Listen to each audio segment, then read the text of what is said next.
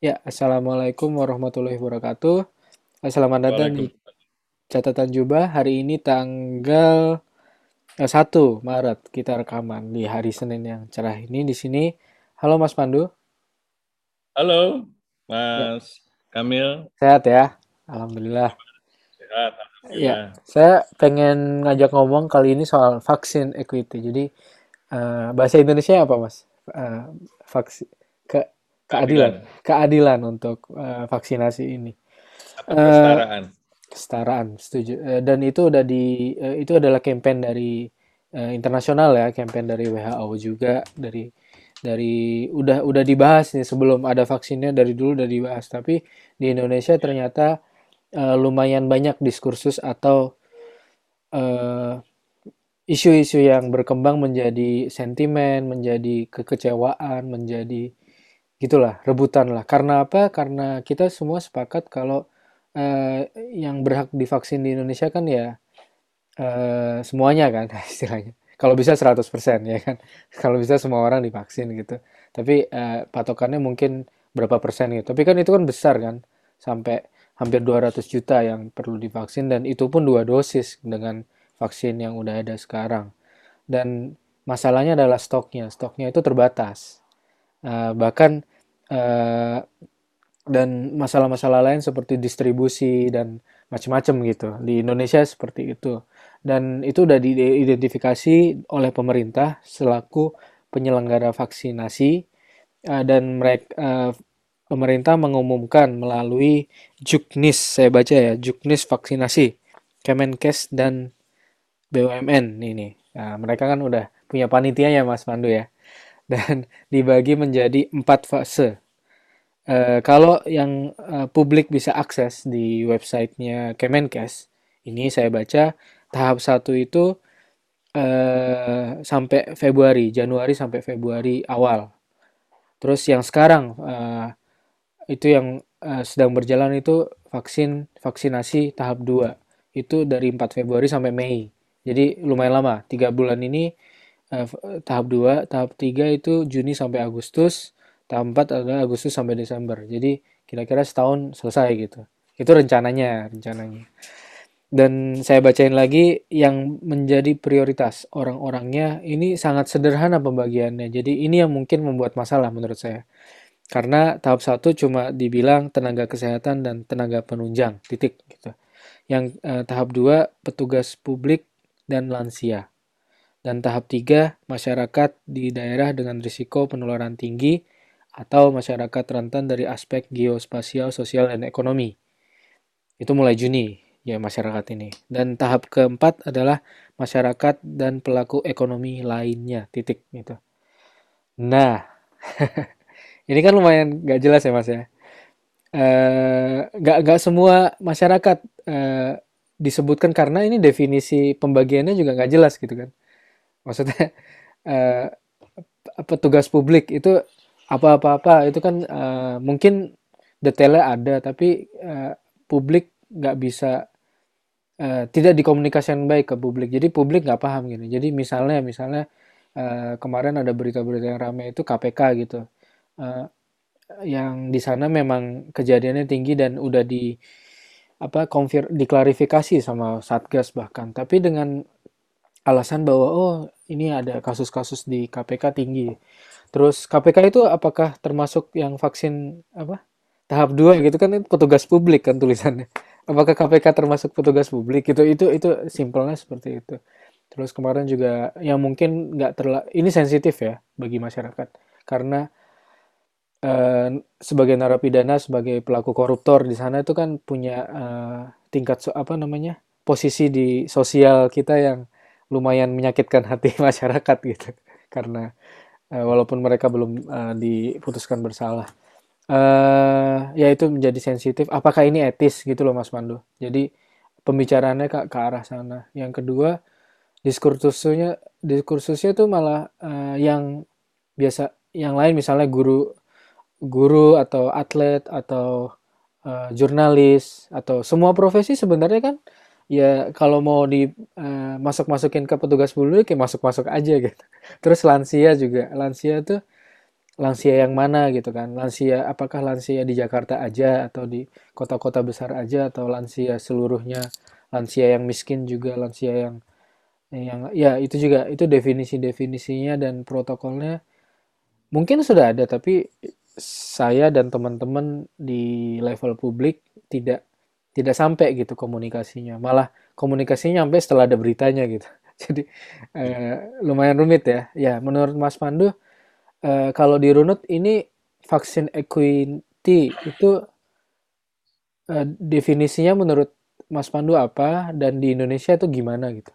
Saya mau tanya itu sih. Oke. Okay.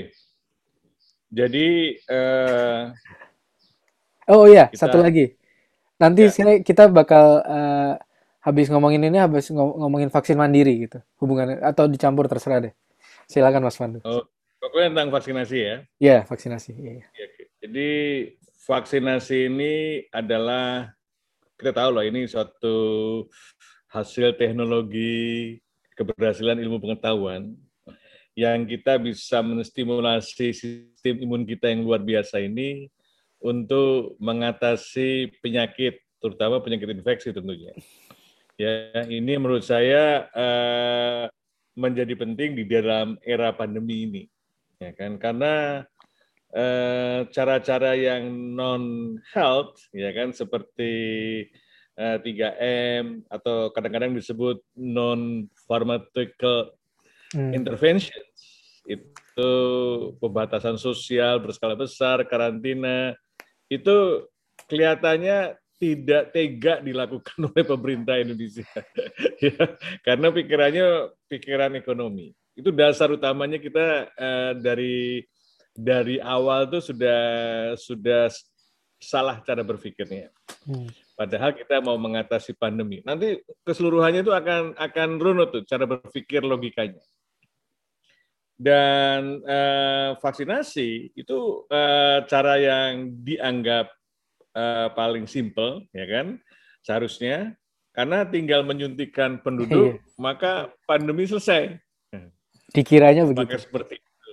Nah, hmm. Harapannya kayak gitu kan. Ya, ya. Kalau padahal belum pernah dalam sejarah umat manusia penyakit itu selesai dengan vaksinasi dalam waktu singkat. Ya kan, jangka panjang itu oke. Okay. Ya kan, jadi tujuan jangka panjang. Jadi bukan tujuan jangka pendek. Dan yang paling penting adalah untuk mengatasi ini adalah vaksin itu di dalam era pandemi walaupun walaupun dijual, ya kan? Itu adalah sebenarnya tidak boleh dikomersialkan. Bahkan badan eh, badan PBB UN hmm. itu eh, mengatakan bahwa vaksinasi untuk mengatasi pandemi COVID ini adalah global public health good. Jadi hmm. tidak boleh diperjualbelikan, dikomersialkan karena kita ingin supaya setiap orang mencapai kondisi yang aman, ya kan, dan mendapatkan akses yang setara, yang akses vaksin yang efektif, dan yang paling penting adalah eh, mereka mendapatkan itu dengan cuma-cuma, hmm. ya, tanpa harus membeli. Ya, ini yang, yang menurut saya eh, kenapa tidak harus membeli? Karena ini adalah masalah dasar yang menjadi hak rakyat untuk sehat dan dalam masalah pandemi yang paling bertanggung jawab adalah negara. Negara itu siapa yang eh, menyelenggarakan negara, yang manajemen negara, penyelenggara pemerintah. Siapa penyelenggara pemerintah? Yang setiap lima tahun kita memilih seorang presiden, ya, dan dan presiden itu kita percayakan lima tahun ini menyelenggarakan roda pemerintahan. Kita jadi harusnya bertanya kepada presiden. Itu yang menurut saya dalam konstitusi gitu. Presiden harus melaksanakan konstitusi, ya kan?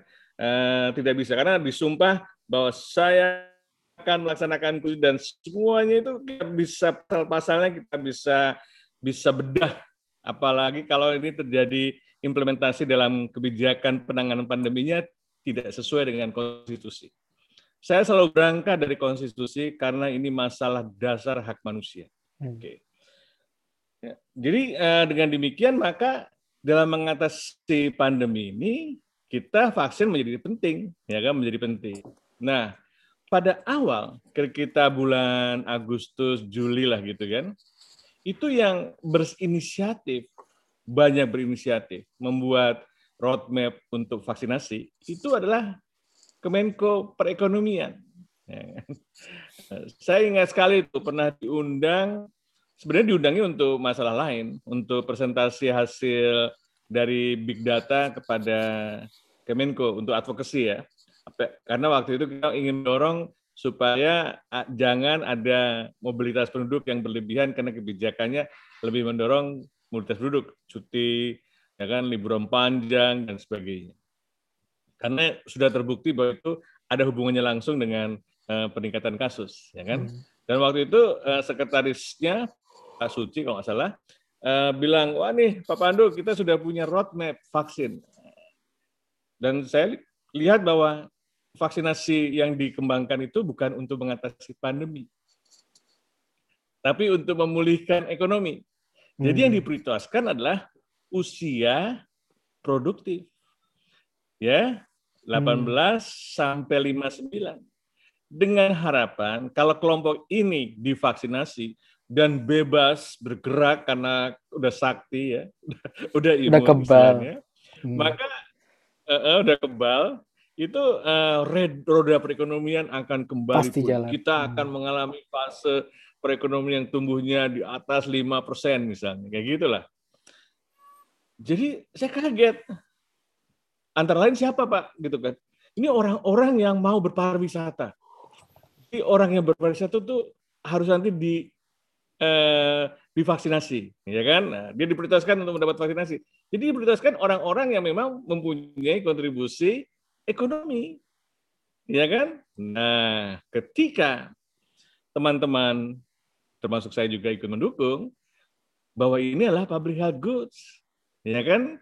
Karena waktu itu kemudian konsepnya 30% gratis, 70% berbayar. Saya bilang, gendeng. Ini konsep. Jadi ada konsep vaksin berbayar. Saya tanya sama uh, teman saya di Kemenkes yang ngurusin vaksinasi, Mas, kok jadi kayak gini sih? Kan diskusi awal-awalnya kan ini, ya nggak tahu nih, aduh banyak sekali kepentingan yang di luar uh, Kementerian Kesehatan. Dan Kementerian Kesehatan waktu itu memang agak lumpuh, hmm. ya agak lumpuh, tidak bisa bernegosiasi atau nggak punya gak otak, punya power, nggak punya iya. pikiran, yang ya bukan nggak punya power, ide aja nggak punya kok malah mendukung uh, vaksinasi berbayar, ini yang menjadi masalah, yang menjadi menurut saya ada kesalahan besar di pihak Kemenkes yang waktu itu dipimpin oleh Kementerian yang lama. Hmm. Tidak berhasil melakukan negosiasi di tingkat keputusan nasional bahwa vaksin itu adalah public health good. Dari dulu tuh teman-teman dari Kemenkes tuh sudah sadar konsep itu. Tapi kok ikut-ikutan mendukung vaksin berbayar. Yes. Wah ini nggak ada pilihan lain selain kita mengajukan petisi kepada petisi, presiden iya, iya, iya. untuk meninjau ulang bahwa vaksin itu adalah public health good harus gratis. Harus gratis untuk dan semua. Dan kita kemukakan eh, dan harus setara, harus nanti diprioritaskan pada populasi yang sangat berisiko. Jadi prinsip-prinsip public health ini jalan terus. Hmm. Jadi untuk mengatasi pandemi adalah tadi prinsipnya ya harus setiap rakyat mendapatkan haknya, hak untuk sehat. Ini masalah human rights, yes. ya kan kita harus kawal ini. Hmm. Kemudian masalah siapa yang duluan itu adalah berdasarkan prioritas, berdasarkan risiko penularan untuk masuk rumah sakit atau untuk meninggal. Jadi masalah pandemi kan masalah kematian dan masalah perawatan rumah sakit dan kecacatan. Kalau dia terinfeksi tidak bergejala, tidak menjadi problem kalau 100% orang pandemi ini apa COVID-19 ini tidak ada yang bergejala itu bukan apa, pandemi bahkan ya. cuman pilek-pilek biasa nggak jadi problem ya. yang jadi problem adalah banyak yang masuk rumah sakit dan banyak yang mati ya. nah jadi indikator isu public health adalah mobilitas mortalitas dan disabilitas yang hmm. sembuh saja juga mengalami gangguan yang kita sebut sebagai long COVID, COVID. Hmm. Ya, gangguan dari fungsi-fungsi sarafnya dan fungsi-fungsi yang yang yang kita masih banyak belum ketahui, yang yang sampai enam bulan pun ada yang tidak merasakan fungsi inderanya kembali normal. Ya, belum lagi yang masalah gangguan saraf atau kemudian ya, cepat ya. mengalami gejala Alzheimer dan sebagainya. Jadi ini masalah besar yang harus disadari oleh kita semua, bukan hanya pemerintah, semua rakyat Indonesia ini saya harus edukasi, kita harus edukasi. Ini loh problemnya, bahwa kenapa tidak difahami, karena yang difahami adalah ekonomi, bukan kesehatan. Emang kesehatan tidak pernah menjadi mainstream pembangunan. Ya kan? Yang menjadi mainstream pembangunan tuh yang menjadi Hari Kesehatan Nasional ketika Soekarno menyemprotkan DDT untuk mengatasi malaria. Nah, malaria bukan untuk operasi jantung. Kalau operasi jantung enggak untuk malaria, untuk pencegahan. Jadi konsep public health yang menjadi Hari Kesehatan Nasional adalah konsep pencegahan untuk mengatasi supaya oh. orang tidak jatuh sakit hmm. dan sakit. Nah, dengan cara berpikir seperti itu, akhirnya Presiden setuju vaksin gratis ya kemudian prosesnya panjang tuh prosesnya panjang eh, negosiasi vaksin yang mana dan sebagainya wah itu rumit sekali tuh rumit sekali ya kan tapi kalau itu masih bisa ditelusuri dibedah dituliskan sejarahnya siapa yang mengambil inisiatif dan sebagainya dan kemudian nah lansia ketika vaksinasi pertama dilaksanakan nakes menjadi yang pertama setuju nggak ada yang nggak setuju. Yes, nggak nggak ya kan? ada diskursus soal ini. Semua semua oke okay, gitu. Nah, tidak ada, karena kita paham betul bahwa banyak tenaga kesehatan yang bukan dokter saja ya, perawat dan sebagainya, hmm. yang terekspos dengan pandemi ini mengalami jatuh sakit dan sebagainya meninggal. Cukup besar. Cukup ya, besar. Ya, kita tidak mau eh, kesehatan kita kolaps karena SDM kita tiba-tiba lumpuh. Ya, kita nggak mau seperti itu. Walaupun ada konsep uh, impor dokter asing dan sebagainya. Bukan itu isunya, ya kan? Nah, isunya adalah bagaimana kita mempertahankan dan existing Indonesian nakes ya. Nakes nakes Indonesia itu harus terus diperjuangkan karena itu yang yang bisa bicara dengan rakyat dan melayani dengan hati ya kan? kalau nakes kan mau bekerja di Indonesia kalau dibayar mahal.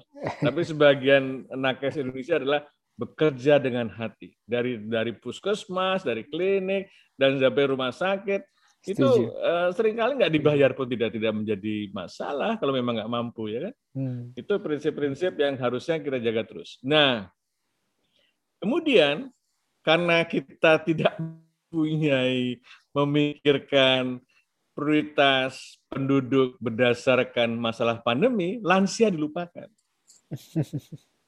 Oh lansia kita nggak punya vaksin, vaksin ini belum jelas dan sebagainya. Kita perjuangan lagi. Lansia harus menjadi prioritas, ya kan? Dan sebenarnya di balik misi itu adalah kita ingin mendorong pemerintah supaya memprioritaskan berdasarkan umur. Jadi umur misalnya lansia kita bagi aja 75 80 ke atas, terus 75 60, 75, 60, 55, dan seterusnya. Karena kalau kita lihat data yang di rumah sakit itu dari umur 35 ada yang meninggal, 40 meninggal itu terjadi peningkatan jumlah atau peningkatan frekuensi. Jadi ada dose respon. Hmm. Semakin tinggi usia, semakin banyak yang masuk rumah sakit, semakin banyak yang meninggal. Itu tidak terbantahkan. Apakah ada komorbiditas atau tidak ada hmm. komorbiditas, data mengindikasikan di mana di seluruh dunia itu terjadi peningkatan kematian. Hmm. Tugas kita adalah menekan kematian. Ya kan? Nah, jadi harusnya ke sana problemnya. Nah, kalau kita sudah memahami itu dan niatnya adalah mengatasi pandemi, niatnya itu harus luhur, mengatasi pandemi dengan cara apa? Menekan kematian, menekan hospitalisasi dan menekan eh, orang yang mengalami kecacatan akibat infeksi daripada hmm. SARS-CoV-2 ini. Nah, ini yang menjadi penting. Karena apa? Karena dengan demikian kita kemudian merunut. Nah, setelah nakes siapa? Harusnya lansia. Bahkan nakes dan lansia itu menjadi satu. Satu. Hmm. Pada waktu itulah kemudian ketika lansia akhirnya data-datanya ternyata ada gitu hmm. kan bahwa vaksin yang kita punya sekarang adalah Sinovac itu boleh bisa untuk lansia bahkan iya bahkan negara Brasil, negara Turki dan di negara Cina itu dari awal sudah memasukkan lansia sebagai the first priority bersama nakes. Ya kan? Jadi nakes lansia itu begitu diumumkan, wah senang banget. Saya sampai terharu itu melihat teman-teman yeah, iya, senior yeah, saya yang yeah, yeah. Eh, divaksinasi saya minta fotonya kumpulkan yeah. bahkan mas, ada yang ngirim foto langsung ke saya mas terima kasih mas atas perjuangannya kita akhirnya divaksinasi enggak itu bukan perjuangan saya perjuangan kita semua lah gitu yeah. tapi saya dorong saya viralkan tuh di Twitter saya maksudnya yes. bukan apa-apa supaya uh, jangan ada kekhawatiran. Ada masih ada yang khawatir, wah kan nakes kan udah tua, jadi kriteria-kriterianya itu terlalu ketat. Wah saya marah tuh sama teman-teman uh, senior di Itagi, di PABDI, dari Perki. Kalian tuh bikin uh, kriteria menghambat vaksinasi. Vaksinasi itu nggak ada nggak ada masalahnya orang baku baru bedah jantung pun bisa divaksinasi. Ya kan? Ya, ya ada relevansinya gitu. Jadi kehati-hatian yang tidak perlu itu tidak hmm. di harusnya tidak perlu terjadi. Hmm. ya kan? Nah ini menurut saya akhirnya sudah mulai ini nah kemudian kan pemerintah sudah menerapkan ya kan berdasarkan masih kepentingan ekonomi loh mas. Masih pejabat masih, publik sekarang. dan sebagainya kepentingan ekonomi sebenarnya. Pasar pedagang pasar gitu hmm. pedagang pasar aduh oke okay lah pedagang pasar tapi yang lansia. Iya iya iya. Ya jadi semuanya tuh harusnya lansia. Bolehlah. Napi misal. Yang menjadi istilah tapi napi yang lansia. Hmm. guru yang lansia dulu pokoknya semuanya lansia Kenapa? Karena kita ingin memberikan efek psikologis yang besar, rumah sakit kosong atau sedikit pasiennya. Kematian jatuh, drop. Itu kan memberikan efek psikologis bahwa wah, pandemi, ya kan? Ternyata kita bisa kendalikan. Hmm. Tapi belum belum diatasi, ya kan? Yang menjadi depresi teman-teman nakes itu adalah aduh ada pasien lagi, aduh ada pasien, aduh udah tua, aduh ventilatornya cuma lima. Wah, angel lagi gitu kan. angel. Pasien angel lagi. Iya, iya, iya. gitu kasihan. Kadang-kadang uh, ada teman yang bilang, Nduk, dia kalau manggil saya kan Nduk, Nduk, gue gue bingung nih. Ini teman sejawat gue lansia gitu kan, hmm. butuh ventilator. Tapi ada yang lebih tua sebenarnya, atau yang ini, atau yang lebih muda mungkin, saya nggak tahu, dia juga butuh ventilator. Gue mikirin teman sejawat atau mikirin harapan hidup bahwa orang ini biasanya lebih hidup daripada teman gue yang sejawat itu. Bayangin ethical dilema seorang nakes sehari-hari yang bekerja di ICU itu membuat mereka frustasi. Dan dan suka curhat lah. Kan uh, dianggapnya bisa macam-macam beri nasihat. Iya. ya karena saya jauh saya nggak dari pelayanan kesehatan bisa secara cool gitu kan menasihati dan sebagainya. Dan mereka, aduh terima kasih, terima kasih. saya bilang, uh, saya suka bertanya dari diri, apakah nasihat saya itu sesuai dengan etika? Benar, iya, iya. Ya kan? Nah, itu. Nah, kembali, etika vaksinasi hmm, etika itu yang menjadi problem sekarang. Jadi vaksinasi ini untuk apa? Untuk mengatasi pandemi.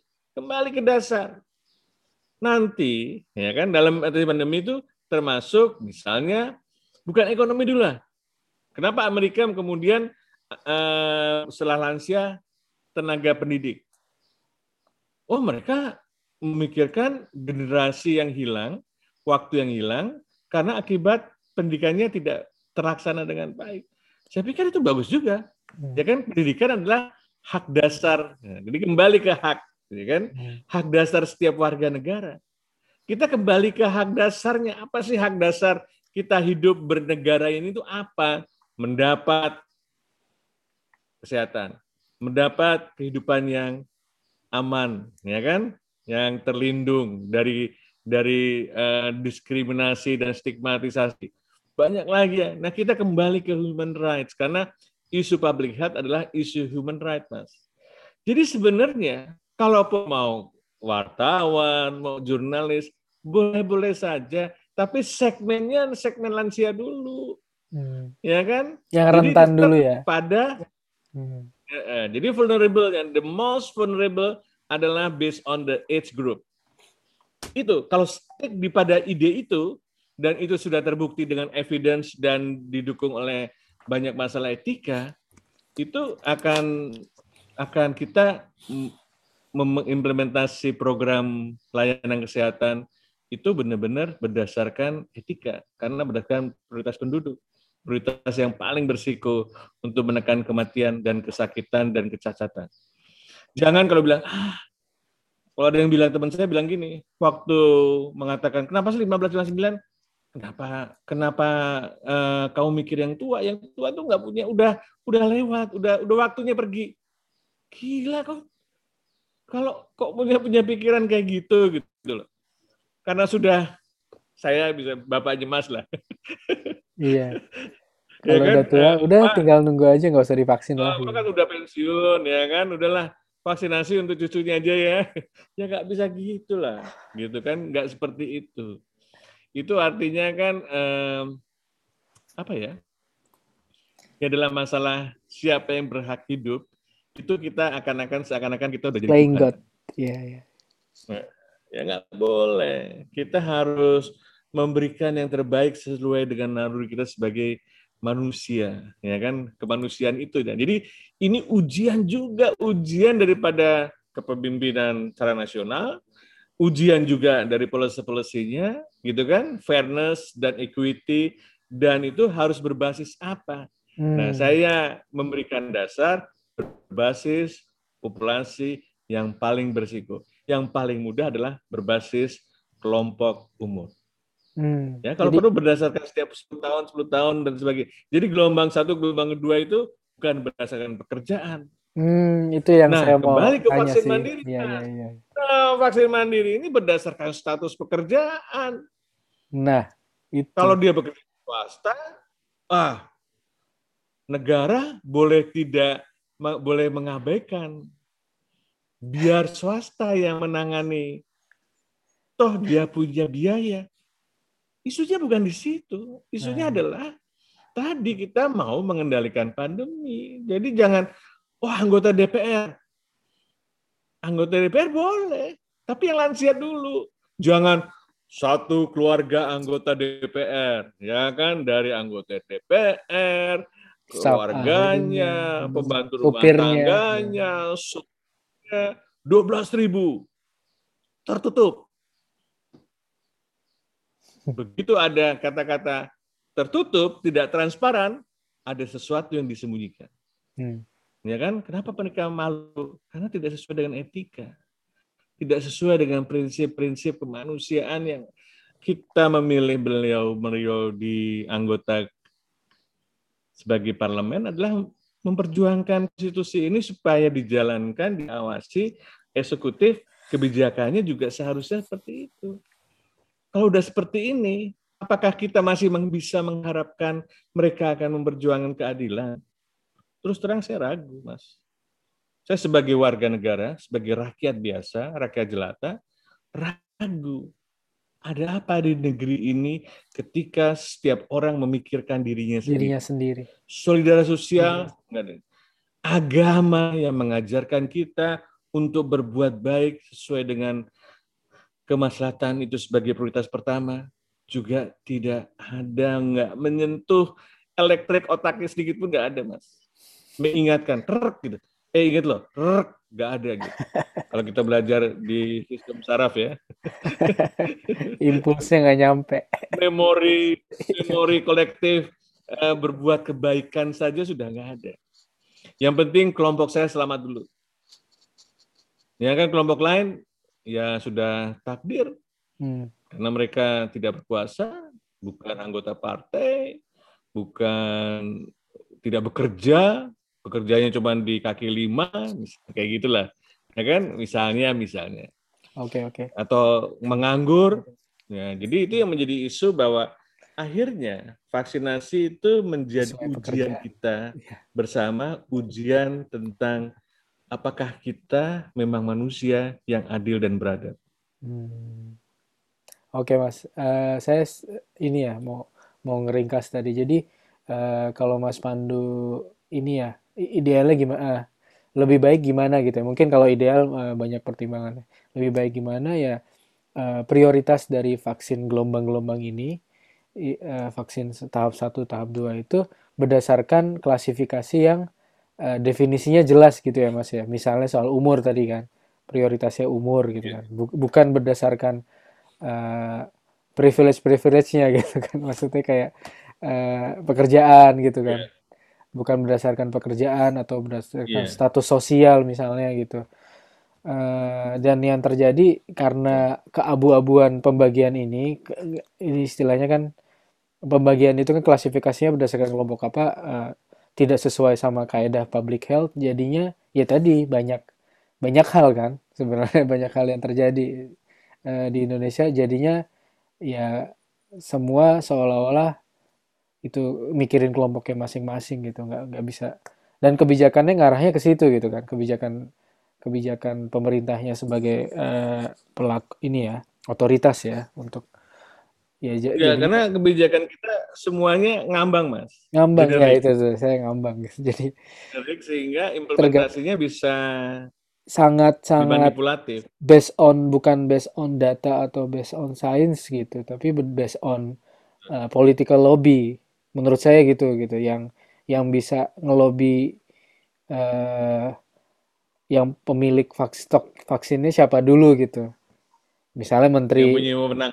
ya Menpora ngelobi ini gitu kan. Wah jadinya atlet yang mau ini monggo vaksinasi rame-rame gitu. Cuma berapa ribu dosis kok Eh, kasih aja gitu kasih aja kasih aja gitu. Jadi eh, walaupun udah ada planningnya ternyata planningnya pun nggak nggak eh, amburadul kan istilahnya. Dan di Ya, sini ba- tidak konsisten bisa diimplementasi. yes eh, dan sebenarnya kalau eh, pr- prioritas itu kan ya kalau definisinya beda gitu beda-beda ya jadinya ya beda-beda semua gitu. Ada yang mandang oh itu lebih penting. Ada yang apa jadi di level horizontal jadi semeraut kan mas? Jadi jadi ribut dewe gitu. Kalau menurut saya kayak gitu sih. Jadi kayak ini pemerintahnya jalanin aja terus kan mandiri udah diketok palunya maksudnya sekarang misalnya ya mas ya udah diketok palunya udah diputuskan gitu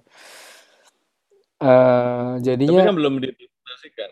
ya ya itu dia Eh, masih ada masih ada space buat Saya kita memperjuangkan tetap diperjuangkan supaya dihentikan dan kembali ke jalan yang benar. nah itu Bahwa vaksinasi ini kita harus melindungi masyarakat yang paling berisiko. Hmm, Kemudian kita harus menyelamatkan kehidupan. Ketiga, kita harus secara bersama-sama sebagai bangsa, ya kan semuanya bisa selamat dalam menghadapi pandemi ini. yes Itu saja. sebenarnya sederhana tapi ternyata nggak sederhana buat ini ya, buat pemerintah untuk memutuskan itu karena tadi ya konflik kepentingan ya. Ya, Di, ya nggak ya nggak sih Mas. Jadi masih masih eh, definisinya beda gitu. Eh, pandemi ini di pemerintah mungkin pemahamannya ya ekonomi gitu. Ya mungkin atau gimana nggak tahu. Tapi di kita yang secara eh, keilmuan public health, secara eh, masyarakat gitu, secara pandangan sosial ini nggak adil jadinya kan. Eh, vaksinasi ini jatuhnya ya. tidak adil. Ya dan sekarang udah separ lumayan jalan ketidakadilan ini ya Mas ya. Kalau kita diem aja ya semakin aja gitu, semakin enggak. Jangan harap ada dialog antara parlemen, Hmm. DPR saya, dengan eksekutif pemerintah yang terkait dengan ketidakadilan vaksin. Nggak ini ya. Jadi demokrasi sudah tidak berjalan. Yes. Kita harapkan tetap Oke. ya kan? Hmm. Itu juga eh, kondisi yang sangat memprihatinkan. Hmm. Terus eh, gini Mas, Jadi yang kalau dibutuhkan akhirnya ya itu dia. leadership. Ya, leadership. Kalau di eh, di kita kita kita eh, kita bisa apa, Mas? Itu itu eh, mungkin kita kalau solusi yang sangat berimpak mungkin nggak ada ya. Kita nggak punya kuasa gitu. Tapi kira-kira kita bisa eh, apa nih, Mas? Maksudnya bisa Ya. eh, Jadi melakukan eh, aktivitas. yang kita bisa lakukan banyak, Mas. Ya, ya. Apa aja, Ya Mas? kan jangan putus asa. Ya kan pertama tadi bahwa prinsipnya kan ini untuk kepentingan bersama. Sekarang ada konsep vaksin mandiri. Ide dasarnya adalah sebenarnya eh, vaksinasi ini harus ditangani bersama, baik swasta maupun pemerintah. Di dalam bidang intervensi public health, itu sudah banyak konsep-konsep tentang public-private partnership, Hmm. termasuk tuberkulosis, termasuk penyakit uh, tropical disease yang neglected, yang diabaikan, ya kan, malaria, wah banyak sekali, termasuk vaksinasi, ya kan? Nah vaksinasi, nah, janganlah disempitkan, seakan-akan peran swasta itu hanya membayar atau membiayai vaksinasi untuk karyawannya saja. Dengan alasan argumentasinya, kalau sebagian pembiayaan vaksinasi itu ditanggung oleh swasta, negara bisa mengalihkan ke tempat lain. Walaupun itu nggak diucapkan. Kelihatannya indah, kelihatannya bagus kan? Kelihatannya ideal gitu kan. Tapi sih malah melihatnya dari karena sudah saya biasa bergerak di bidang masalah penanggulangan penyakit, itu tidak sesuai dengan prinsip public-private mix yang menjadi prinsip umum di dunia secara global, ya global health. Ya kan? Kalau yang sesungguhnya gimana? Sesungguhnya tidak hanya memikirkan kelompoknya, kalau sudah memikirkan kelompoknya tadi tidak tidak eksklusif. Semua pembangunan manusia itu harus inklusif tidak membedakan orang berdasarkan tadi bekerja tidak bekerja, berdasarkan rasialisme, berdasarkan agama, berdasarkan pandangan-pandangan primordial lainnya. Bayangkan kita bersatu menjadi Indonesia adalah merupakan semua primordial suku-suku bangsa yang begitu banyak heterogen. Kami bangsa Indonesia. Sumpah pemuda loh bangsa Indonesia. Enggak bilang kami bangsa Jawa, enggak. Waktu dulu waktu itu malah berkumpul kelompok-kelompok yang berdasarkan suku, ya. berbahasa satu, bertanah air satu. Jadi sumpah pemuda dalam vaksinasi juga ada. Jadi swasta membantu pemerintah untuk vaksinasi rakyat Indonesia, walaupun mereka bukan karyawan dari swasta. Kenapa? Membantu nasional membantu tanah air kita ini yang kita cintai bersama-sama. Caranya gimana? Loh, banyak cara.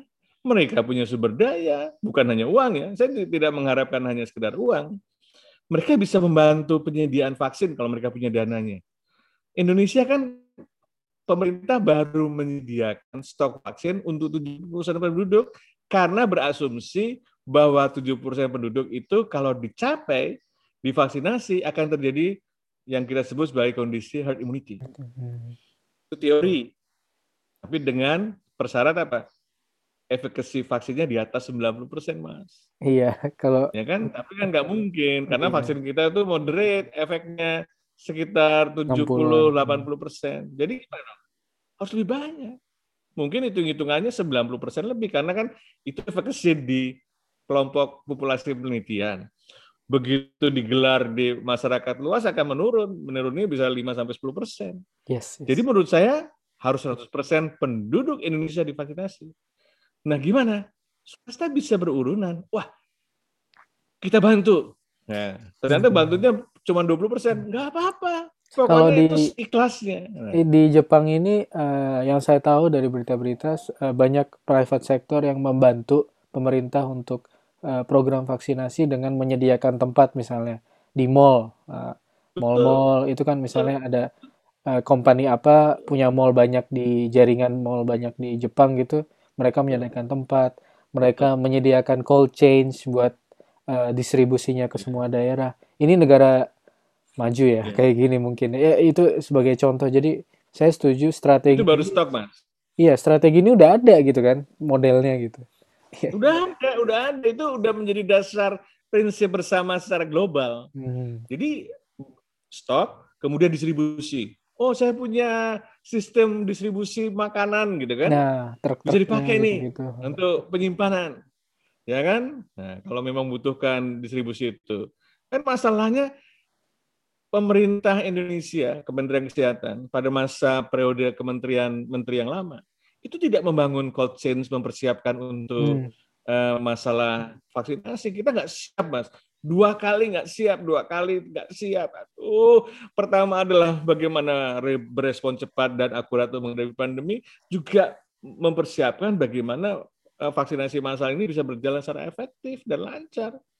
Kedua kali kesalahan yang sulit untuk dipahami dan kalau harus dimaafkan sulit untuk dimaafkan gitu kan. Nah, ini menjadi besar. Terus ketiga adalah mereka kan punya jejaring, Mas. Ya itu dia, jejaring. Jejaring pelayanan swasta. Mereka punya tempat. Mereka punya suatu dan itu sudah diprakarakasai oleh Pak Menteri Kesehatan ya, Pak Budi Gunadi waktu dua minggu yang lalu mengundang semua CEO yang dia kenal. Ya kan, saya tuh ternyata CEO juga, Mas. Tapi saya ternyata CEO dari gerakan pakai masker. Oh, iya. Jadi terundang, Mas. Jadi terundang, tapi diundangnya eh, gerakan pakai masker. Jadi saya mendengarkan, mendengarkan ide yang bagus. Pak Pak Budi bilang kita memprioritaskan lansia. Wah, kemakan nih. Saya udah begini nih, saya senang sekali. Tapi kita butuh bantuan.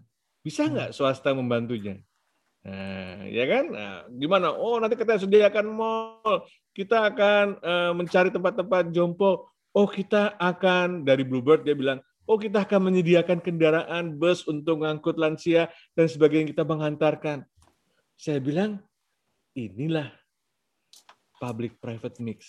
Hmm. Inilah yang harus dimulai dengan lansia. Jadi saya punya harapan, Mas walaupun saya bikin petisi, saya mencari peluang-peluang supaya ini bisa terwujud. Dan kemarin dari salah satu karena yang datang juga ada CEO dari Gojek dan uh, Halodoc itu kita mau bikin layanan vaksinasi yang sifatnya drive thru.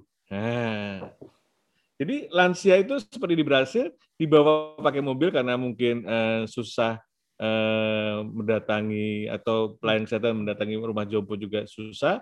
Jadi diangkut bisa vaksinasi kayak itu. Itu meningkatkan cakupan yang cepat dan hmm. sangat-sangat manusiawi. Itulah public private mix. Mereka membantu sistemnya, membantu eh, transportasinya. Jadi pemerintah tinggal menyediakan vaksinator. Kalau ada vaksinator dari swasta, silakan membantu. Nah ini kan menurut saya menjadi penting bagaimana kita memprioritaskan lansia misalnya di semua wilayah, semua pihak private membantu sesuai dengan kondisi lokalnya. Ini yang paling penting. Dan, Dan vaksin mandiri, ya vaksin mandiri kayak gitu nggak sih? Atau enggak. sekarang aturannya enggak kan? Itu kan perusahaan enggak anak buahnya aja kan, pekerjanya aja kan. iya. kan. Itu waktu itu masih belum belum ada hmm. belum ada Permenkes untuk vaksin mandiri gitu kan. Karena karena mereka juga khawatir sebenarnya dan kita juga ingatkan. Ingat loh, itu ada kemungkinan peluang penyalahgunaan yeah. wewenang dan keuangan. Iya, misalnya ya kan? tekniknya saya, dijual saya masih atau melihat ada celah. Hmm. Saya masih melihat ada celah dan saya mau melihat teman-teman kalau ini tetap dipaksakan teman-teman KPK saya akan beritahu supaya mengawasi. Hmm. Supaya tertangkap tangan. Oke. Okay. Memang nggak berhenti di sini ya. Banyak banget uh, hal yang uh, uh, jadi kita jangan harus jangan berhenti suarakan. untuk mencintai negeri ini, Mas. Hmm. Walaupun Mas Kamil di Jepang, ya kan, dan waktu saya juga banyak lama sekolah di Amerika, juga tidak berhenti untuk mencintai negeri. Negeri ini terlalu indah, terlalu setuju, setuju. Uh, kita tinggalkan begitu saja. Ya kan, tempat kita lahir, tempat orang tua kita lahir, masa kita tinggalkan ketika mengalami eh, masalah-masalah yang mungkin juga dipengaruhi oleh kondisi-kondisi politik atau kondisi kepemimpinan dan sebagainya. Oke mas, kira-kira udah lumayan nih, udah lumayan. Nanti uh, tema ini kita bakal suarakan terus sih, nggak nggak sekali ini aja ya, moga-moga mas, biar biar uh, ini semua punya punya back punya punya alasan gitu untuk uh, ya. mencintai kalau, negeri. Kalau perlu diundang etisis mas, etisis. Jadi uh, seorang ahli etik. yang mempelajari etika, hmm. ahli spiritual dari yes, yes, biasanya yes. seorang pendeta atau Nanti kita seorang cari. Uh, agama agamawan yang betul-betul uh, menekuni masalah kemanusiaan ini. Asik asik. Bisa bisa. Oke mas, terima kasih untuk catatan jubah ini. Kita ketemu di catatan jubah selanjutnya nanti. Saya berhentikan rekornya ya. Uh,